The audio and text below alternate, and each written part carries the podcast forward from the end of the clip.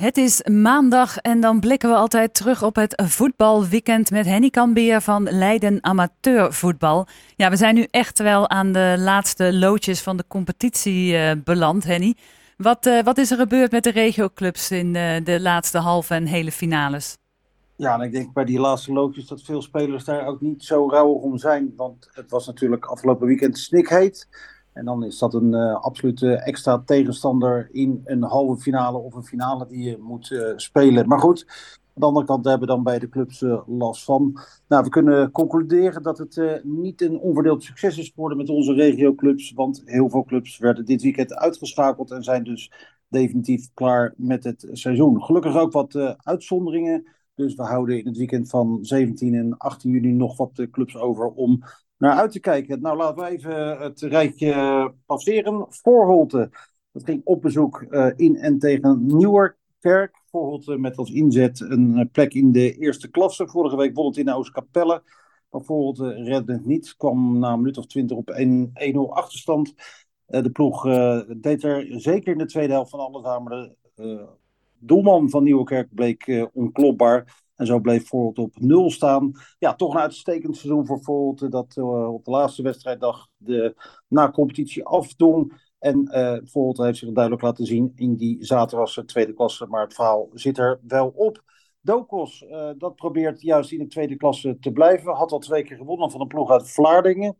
Dit keer kwam Meeuwenplaat, om precies te zijn, uit Hoogvliet op bezoek in de Leidse Mors. Dokos, ja, het kwam weer op achterstand. Dat gebeurde ook al in de voorgaande wedstrijden. Een eigen doelpunt in dit geval. Dokos was wel sterker en dreef uiteindelijk boven. Vlak naar rust uh, scoorde Sipan Galit, de aanvaller, de gelijkmaker. En daarna kwam het uh, nog goed via een vrije trap van Kenneth Maaskant. Uh, de maker ook van dat eigen doelpunt overigens. En uh, good old uh, Chris van Empel die scoorde. Dokos gaat dus op voor de finale om in die tweede klasse te blijven. Meerburg had heel graag de stap naar de derde klasse gemaakt. had dan sowieso nog twee wedstrijden moeten overleven. Maar dat kwam niet goed. De ploeg verloor in Benthuizen van BSC 68.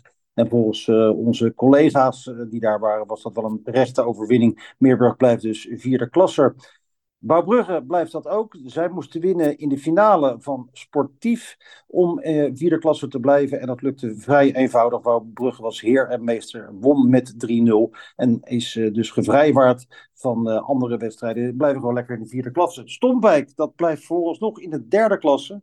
Maar moet nog wel een finale ronde spelen. Daarvoor was eerst een overwinning nodig op Hermes DVS uit Schiedam.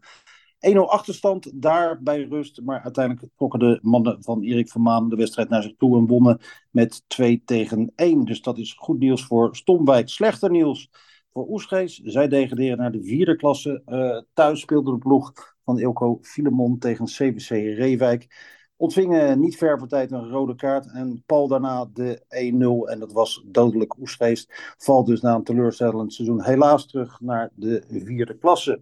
Daar speelde LSVV in, maar dat zal volgend jaar niet gebeuren.